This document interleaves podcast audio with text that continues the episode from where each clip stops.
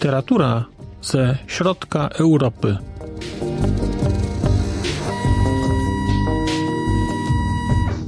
Podcast około książkowy.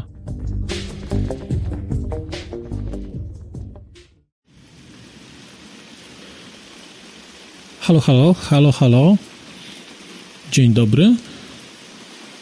Witam Państwa.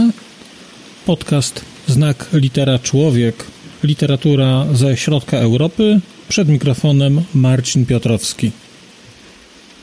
W roli uzupełniającej, a być może dodatkowej, deszcz, który w tle sobie gdzieś stuka, zaraz będzie burza, a ja siedzę sobie na ganku w Beskidzie Niskim, w domu na łąkach. Deszcz pada, wiatr wieje, a ja nagrywam dla Państwa odcinek. W dzisiejszym odcinku chciałem opowiedzieć Państwu o książce Katariny Kucbelowej Czepiec. Książka ukazała się nakładem krakowskiego wydawnictwa H-Art w roku 2022 i o tym wydawnictwie pewnie będzie u mnie więcej, dlatego że bardzo interesującą literaturę ono chyba publikuje. Na razie Czepiec jest pierwszy, ale w planach mam jeszcze co najmniej kilka innych książek.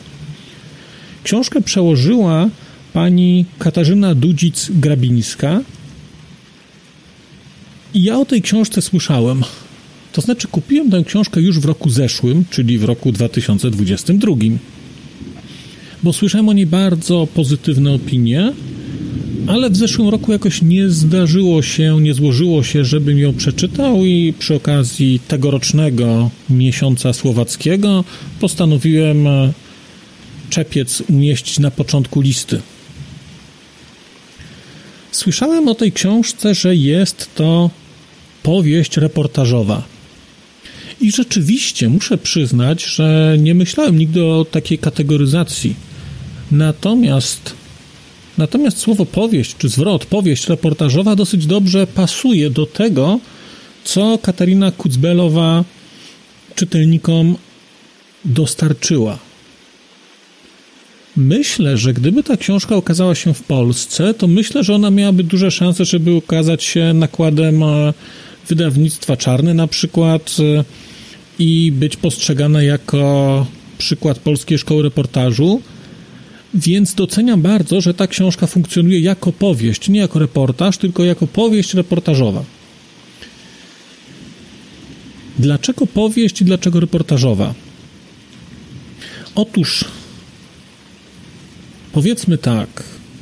Gdybym miał opisać akcję tej książki, taką główną oś, która tutaj się, główną oś akcyjną, która się tu rozgrywa, to powiedziałbym, że mamy małą miejscowość w Słowacji.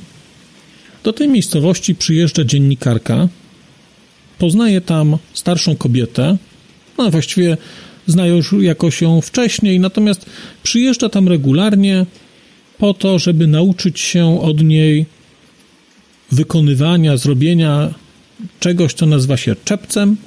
Jest tradycyjnym strojem słowackim i akcja tej książki polega na tym, że przez ponad rok reporterka, główna narratorka przyjeżdża pod Tatry, szyje ten czepiec. Koniec. Kobiety, no przepraszam, nie koniec. Kiedy kobiety szyją czepiec, czasami rozmawiają. To jest koniec. No, ale literatura to nie jest tylko główna oś narracyjna i nie tylko taka główna jedna narracja, bo istotą tej książki i to, co jest w niej naprawdę znakomitego, naprawdę, bo to jest bardzo dobra, bardzo dobra i bardzo interesująca książka, tak naprawdę istotą tego jest to, co dzieje się pod spodem. I istotą tego, o czym jest ta książka, jest to, o czym te kobiety rozmawiają i jak mija im czas. Kiedy tę książkę zaczynałem czytać, poruszające były dla mnie opisy Słowacji i opisy sytuacji społecznej w Słowacji czy na Słowacji, wyjątkowo, wyjątkowo zbieżne z tym, czego doświadczamy w Polsce. Jakiś taki pseudo-folklor, bo ta Słowacja jest chyba jeszcze bardziej pod, pod tym kątem, e, nie chcę powiedzieć, że upośledzona, bo to nie o to chodzi, ale ten folklor wylewa się tam już e, wszędzie i zewsząd z tego, co tutaj widać. I tak pomyślałem sobie, że to rzeczywiście jest jak w Polsce, kiedy patrzę na góralszczyznę obecną od Mazur e, przez Polskę centralną, po Podlasie, no wszędzie są, wszędzie są górale i górale stanowią kwintesencję polskości i styl zakopiański to jest kwintesencja polskości, no ewentualnie dworek, no bo pamiętajmy, że wszyscy jesteśmy ze szlachty, więc każdy musi sobie postawić dworek, bo no, tak, więc, ta, więc w Polsce tak jest. I kiedy czytałem to na początku, to myślałem sobie, uśmiechałem się i myślałem sobie, o rany, no, to jest książka rzeczywiście niby o Słowacji, a jednak o Polsce. Zwłaszcza, że na Słowacji bardzo silne są też te wątki nacjonalistyczne, jak w Polsce. I w ogóle, kiedy patrzę na Słowację, to trochę tak jakbym patrzył na Polskę. Bardzo niski kapitał społeczny, ogólna niechęć jednych ludzi do drugich. No zasadniczo populizm, zasadniczo jest tu bardzo blisko. I potem ten wątek w ogóle gdzieś ucichł w tej książce. On mnie rozgrzewał przez trzy strony. Myślałem sobie, ale będzie do pieca dołożone. Oj, ale niesamowicie to Kucbelowa zrobiła. Tymczasem to się później bardzo zmienia, bo zaczyna się ta narracja, zaczyna się narracja, zaczyna się rozmowa między kobietami. Bo główna bohaterka tutaj, ta dziennikarka, rozmawia z kobietą już chyba w tej chwili 80 albo 90-letnią, Ilką. I ta Ilka potrafi jeszcze robić czepce. Potrafi jeszcze robić czepce jako klasyczne takie nakrycie głowy i to jest w ogóle kolejny wątek egzotyki Europy Środkowej. Bo oburzamy się na to, jak kobiety traktowane są na przykład w krajach muzułmańskich, gdzie muszą zakrywać włosy.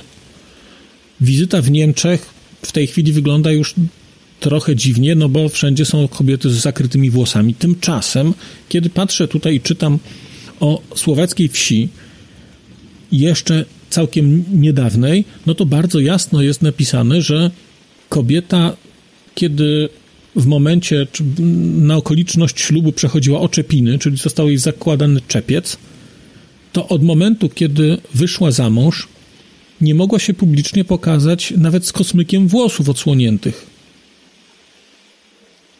Włosy rozpuszczone mogły nosić tylko panny. Osoba, która, dorosła kobieta zamężna, musiała mieć czepiec i pod tym czepcem wszystko ukrywać. Stąd jest to zresztą tu bardzo pięknie pokazane, bo yy, pokazana jest taka fizyka czepca, psychika czepca, to co to znaczyło, co oznaczały poszczególne rzeczy, poszczególne symbole. Dlaczego te czepce były takie zdobione? No i właśnie, kiedy tak o tym pomyślałem, to nagle okazało się, że skoro te włosy były, musiały być zakryte, no to no to ten czepiec trochę przejmował rolę włosów, przejmował rolę fryzury można było go ozdobić, można było się nim jakoś szczycić. Jest cały ten wątek czepcowy tutaj bardzo interesująco pokazany, do czego zaraz dojdę. Natomiast te kobiety tutaj rozmawiają. One rozmawiają i a czasami nie rozmawiają, ale Ilka opowiada bohaterce, tej redaktorce, opowiada swoje życie. To życie jest opowiadane w takich fragmentach. To nie jest całościowa narracja, właściwie to jest skakanie trochę, bo ta książka ma charakter takich regularnych powrotów. My tego oczywiście nie mamy tak anonsowane, że jest, nie wiem, kwiecień, maj, czerwiec, lipiec. To tak nie działa. Natomiast widzimy z tej narracji, że główna bohaterka przyjeżdża do tej wioski dosyć regularnie. Przyjeżdża, pracuje nad czepcem, potem pracuje w domu, wraca, staje się częścią trochę tej społeczności, staje się też osobą bliską Ilce, nawiązuje się między nimi taka więź, ale nawiązanie tej, tej więzi, stworzenie tej więzi jest efektem wspólnej pracy. I to, czego się w ogóle w tej książce nie spodziewałem, to w ogóle nie spodziewałem się tego, że znajdę opowieść o, o tym, jak wspólne, nazwijmy to robótki, jak wspólna praca taka ręczna, jak wspólne dzierganie, wspólne wyszywanie, wspólne pochylanie się nad pracą, doradzanie, wspólne milczenie. Tu jest to pięknie pokazane wspólne pochylanie głowy, a nawet stykanie się czołami, przekazywanie uwag. Jak te wszystkie rzeczy budują więź i jak ta główna bohaterka, dziennikarka, jak ona tego w ogóle wcześniej nie widziała, jak to do niej dociera. To jest bardzo pięknie tu pokazane, kiedy ona przyjeżdża i wydaje się jej, że ona sobie ten czepiec po prostu uszyje. I nagle okazuje się, że to wszystko wymaga czasu, wymaga umiejętności, że nawet proste wyszycie nie jest takie proste, bo na przykład nitkę trzeba rozdzielić na trzy części, bo inaczej, jeżeli będzie się wyszywać, to ona się tam będzie, nie wiem, co tam mechacić, faflunić, czy, czy cokolwiek, no, mówiący te słowa, swoje główne czynności związane z nićmi i igłą, to zakończył gdzieś w szkole podstawowej na nauce przyszywania guzików więc dużo nie pomoże. Natomiast ten wątek szycia jest, ale to szycie tu jest pokazane jako rodzaj inicjatywy społecznej. I główna bohaterka w którymś momencie odkrywa to, że te kobiety w kilkadziesiąt lat wcześniej spędzały w ten sposób czas. Spędzały w ten sposób czas i odkrywa, że one tak naprawdę wspólnie milcząc, wspólnie rozmawiając, była to dla nich jakaś forma terapii, forma bycia razem w społeczeństwie, które jest społeczeństwem bardzo zamkniętym, no bo ta wieś pod Tatrami, czy właściwie w Tatrach, to nie jest jakieś miejsce, gdzie specjalnie dużo jest kontaktów zewnętrznych. Ona to odkrywa i doświadcza tego w bardzo małym stopniu, no bo one są właściwie we dwie. Natomiast w którymś momencie zaczyna być akceptowana jako osoba, która jest częścią tej wioski. Pojawiają się w ogóle wątki bardzo różnych czepców. To też jest bardzo, bardzo interesujące, kiedy ona ogląda te czepce, spostrzega gdzieś kobietę, która ma czepiec czarny i chce się dowiedzieć, o co chodzi. Ilka nie chce jej niczego powiedzieć. Ta historia później wybrzmiewa, nie będę Państwu mówił, co się wydarzyło i dlaczego ktoś nosi czarny czepiec, ale ale to jest bardzo piękne, bardzo osobiste i rzeczywiście takie bardzo głębokie na poziomie takiej akceptacji, na poziomie bycia częścią wspólnoty lokalnej. Bardzo ciekawe, bardzo ciekawe w tej książce były refleksje na temat folkloru. Główna bohaterka patrzy na ten folklor jak na festyn. Festyn, którym przepełniona jest współczesna jej Słowacja. Właściwie Wszędzie są ciupagi, wszędzie są domy z bali, wszędzie są haluszki, wszędzie jest, nie wiem co tam, baranina czy cokolwiek takiego. Jednocześnie wszystko jest pozorne, wszystko jest nieprawdziwe i ona liczy, że robiąc ten czepiec, gdzieś doświadczy takiej pełnej jakiejś integracji, że odnajdzie głębie folkloru, bo folklor jako taki ją interesuje. I teraz cóż się okazuje?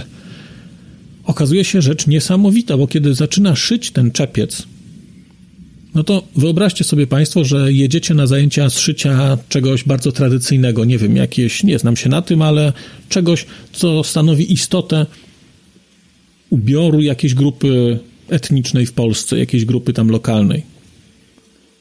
Spodziewacie się zapewne wysokiej jakości materiałów naturalnych. Tymczasem, tymczasem ten czepiec, ona szyje z rzeczy, które są najprostsze, z rzeczy, które są sztuczne, z jakichś sztucznych koronek, z jakichś sztucznych materiałów, których nazw ja nie powiem Państwu, bo nie pamiętam, ale to bardzo jasno tutaj wynika. Ona się dziwi wielokrotnie, że to jest taka tandeta, że to jest takie sztuczne, po jakimś czasie odkrywa, że czepiec szyło się z czegokolwiek, co było pod ręką właściwie, więc trochę jak bigos się robiło.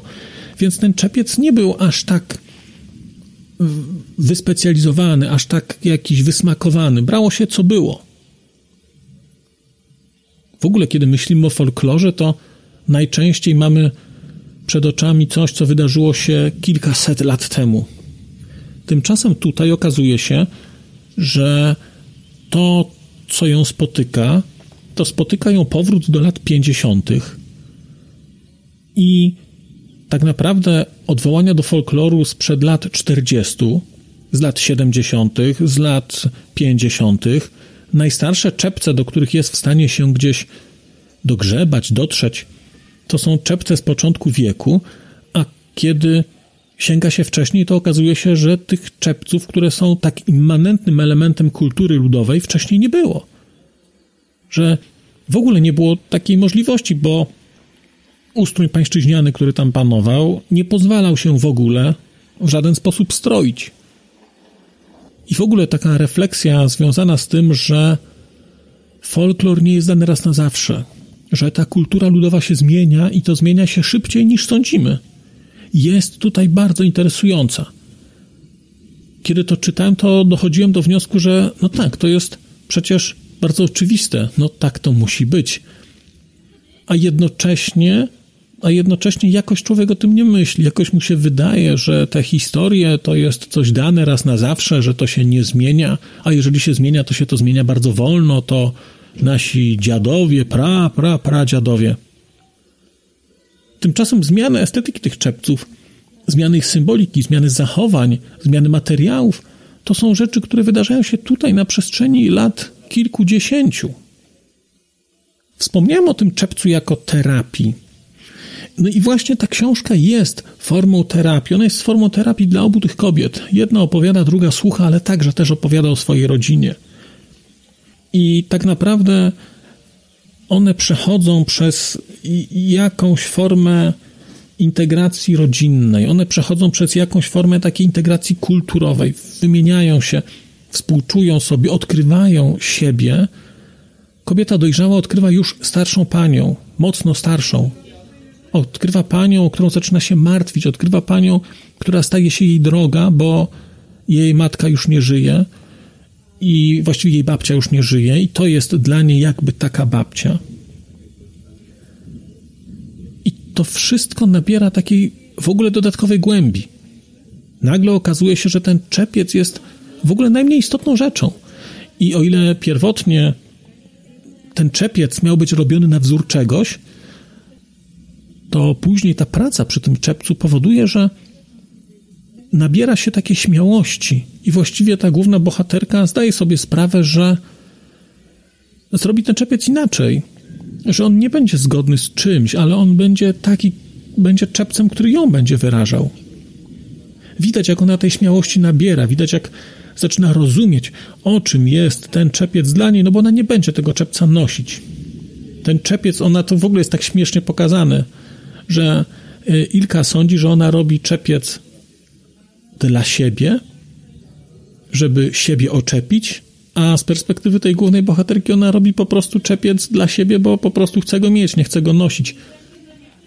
Tak czy siak robią ten czepiec, budują go i rozmawiają przy okazji o, o wielu rzeczach.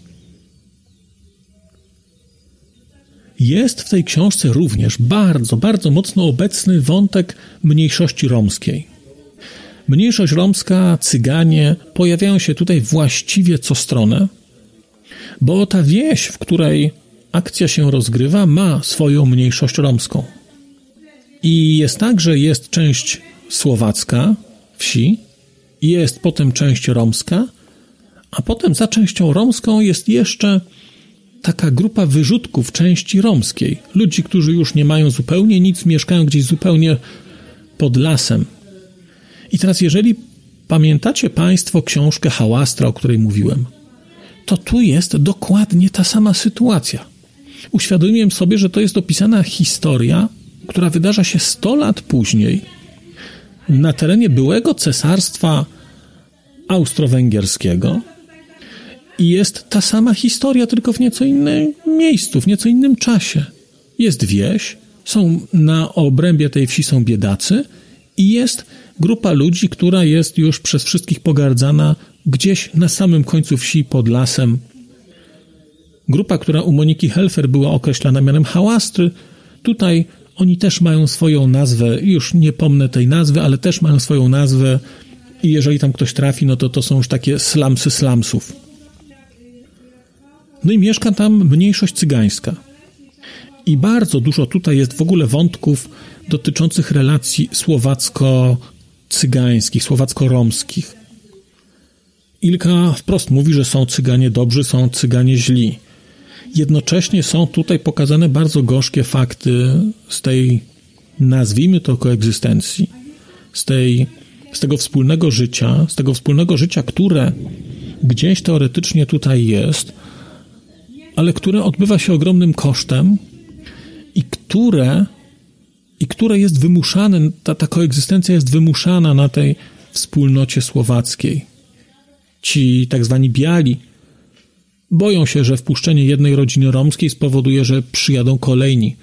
Więc nawet nazwijmy to zasymilowani Romowie.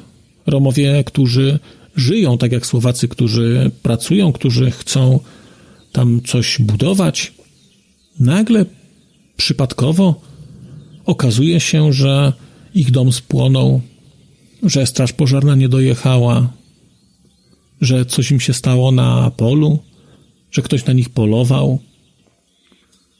Nie ma żadnych dowodów, nie wiadomo co się stało, to był przypadek. I oni znikają. Ta społeczność romska w porównaniu do społeczności słowackiej pokazana jest jako społeczność bardzo żywiołowa, jako społeczność młoda, żywa, mówiąc brutalnie, mnożąca się, będąca taką siłą. Pełna jest ta książka stereotypów na temat społeczności cygańskiej i pokazuje, jak bardzo trudny będzie ten proces łączenia tych społeczności. To bardzo, bardzo wyraźnie widać, bardzo pięknie to widać, kiedy jeden z bohaterów słucha któregoś już ze współczesnych polityków, który mówi, że Słowacja będzie wtedy szczęśliwa, kiedy szczęśliwi będą Romowie. I on mówi, ale oni są szczęśliwi, a ja nie jestem szczęśliwy. I mówi to osoba mocno starsza już, taka naprawdę dojrzała, bardzo dojrzała. I ta główna bohaterka konstatuje, że nie ma w nim niechęci do tych ludzi. On po prostu to całkowicie inaczej rozumie i cokolwiek by mu nie tłumaczyć, to, no to on tego zwyczajnie nie pojmuje.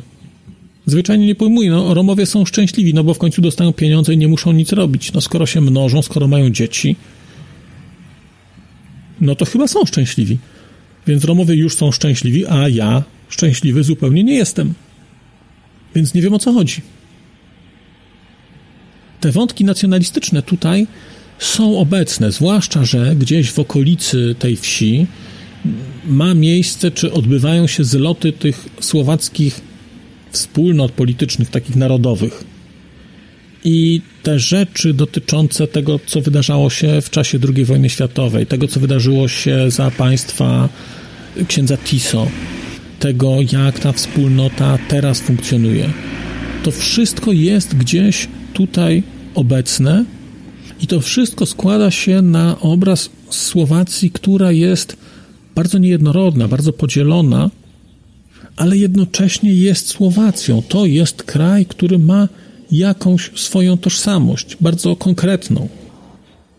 Na ostatniej edycji Kina na Granicy w Cieszynie miałem okazję oglądać taki film słowacki dokumentalny o pokoleniu dokumentalistów z lat 90.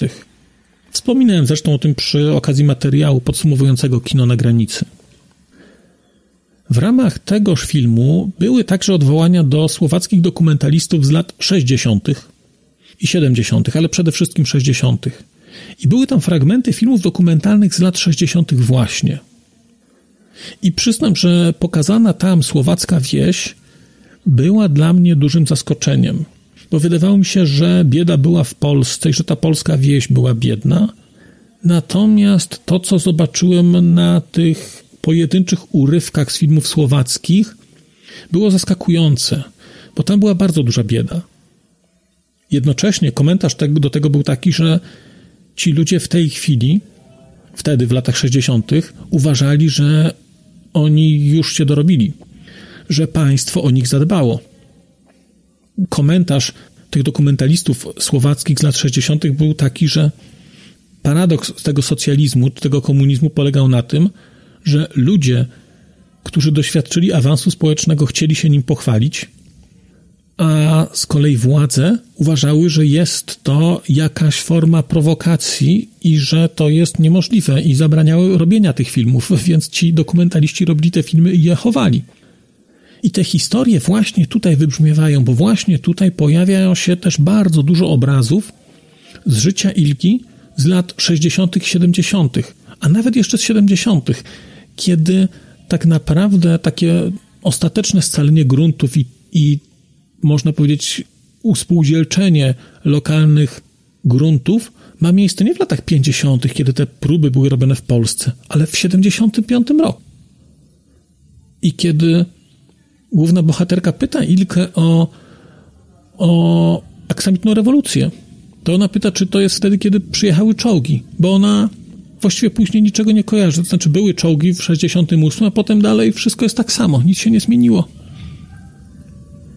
To jest niesamowita perspektywa, niesamowita, zupełnie inna perspektywa tego, jak można oceniać historię własnego kraju. My zapominamy o tym, że jednak to, jak się nam żyje, co dzieje się dookoła, bardzo mocno kształtuje to, jak my tę rzeczywistość postrzegamy. Jeżeli zapachniało Państwu marksistowskim, marksowskim właściwie spojrzeniem, no to, to tak, to tak. No akurat tutaj Marks, wydaje mi się, mówiąc, żeby dokreśla świadomość, bardzo, bardzo trafnie to zdiagnozował i mam wrażenie, że ta diagnoza jest nadal aktualna. Dość spojrzeć na na świat dookoła po prostu. Muszę przyznać, że książka Czepiec była inna niż się spodziewałem. Nie wiem dlaczego, ale spodziewałem się czegoś bardziej takiego folklorystycznego, czegoś, gdzie będzie mowa rzeczywiście o robieniu tego czepca. I on tutaj niby jest to wszystko opisane, są te wątki takie. Ale nie spodziewałem się, że ta książka będzie tak głęboko sięgająca do pokładów tego, co jest, co to znaczy być Słowakiem, co to znaczy być Słowaczką, czym jest Słowacja. I pod tym względem nie dziwię się, że ta książka była mi rekomendowana. Że ktoś mówił, chcesz zrozumieć Słowację, czy zacząć rozumieć Słowację, przeczytaj Czepiec, bo to jest bardzo ważna książka. Więc ja tę książkę bardzo Państwu polecam i nie musicie bardzo chcieć zrozumieć Słowacji. To nie jest o tym, żeby chcieć zrozumieć Słowację. To jest po prostu bardzo dobra książka o tym, jak odkrywać swoją przeszłość, jak przepracowywać swoją przeszłość, jak odkrywać swoją tożsamość i trochę jak stawać się lepszym, bardziej świadomym człowiekiem. A że przy okazji poznacie Państwo też nieco historię kraju sąsiedniego, no to cóż, powiedziałbym trudno, powiedziałbym trudno. O tej Słowacji na pewno mówi się za mało.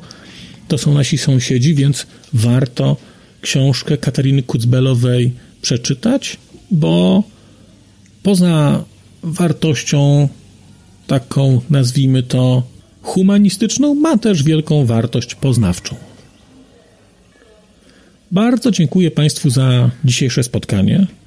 Zapraszam do komentowania, zapraszam do dzielenia się refleksjami. Nie wiem, czy czytaliście Państwo książkę Katariny Kucbelowej Czepiec. Ciekaw będę Państwa opinii. Ja żegnam się, powrócę do Państwa wkrótce. Bardzo dziękuję. Już z bezdeszczowego, aczkolwiek nieco wietrznego Beskidu Niskiego. Pozdrawiam Państwa serdecznie, aczkolwiek wtedy, kiedy ten odcinek się ukaże, to ja niestety będę już w Warszawie. Dziękuję. Do usłyszenia. A już zupełnie na koniec powiem, że skoro wysłuchaliście Państwo tego odcinka, to w jego opisie znajdziecie link do serwisu YouTube. W wersji YouTube'owej e, jest miejsce na skomentowanie go. To jest takie miejsce, gdzie można komentować ten odcinek, rozmawiać, zadawać pytania, wymieniać się spostrzeżeniami, do czego Państwa bardzo zachęcam, gdyż udało się już na tym YouTubie zgromadzić trochę bardzo ciekawych osób, bardzo ciekawych komentarzy i trochę stworzyć taką społeczność ludzi rozmawiających o książkach. Też na koniec, zupełnie na koniec, e, poproszę Państwa o wystawienie oceny mi w ramach e, tych platform podcastowych, na których Państwo tego odcinka wysłuchaliście. I nieważne jaka ta ocena będzie, istotne dla mnie po prostu, że będzie. Tymczasem się żegnam już naprawdę i do usłyszenia za czas jakiś.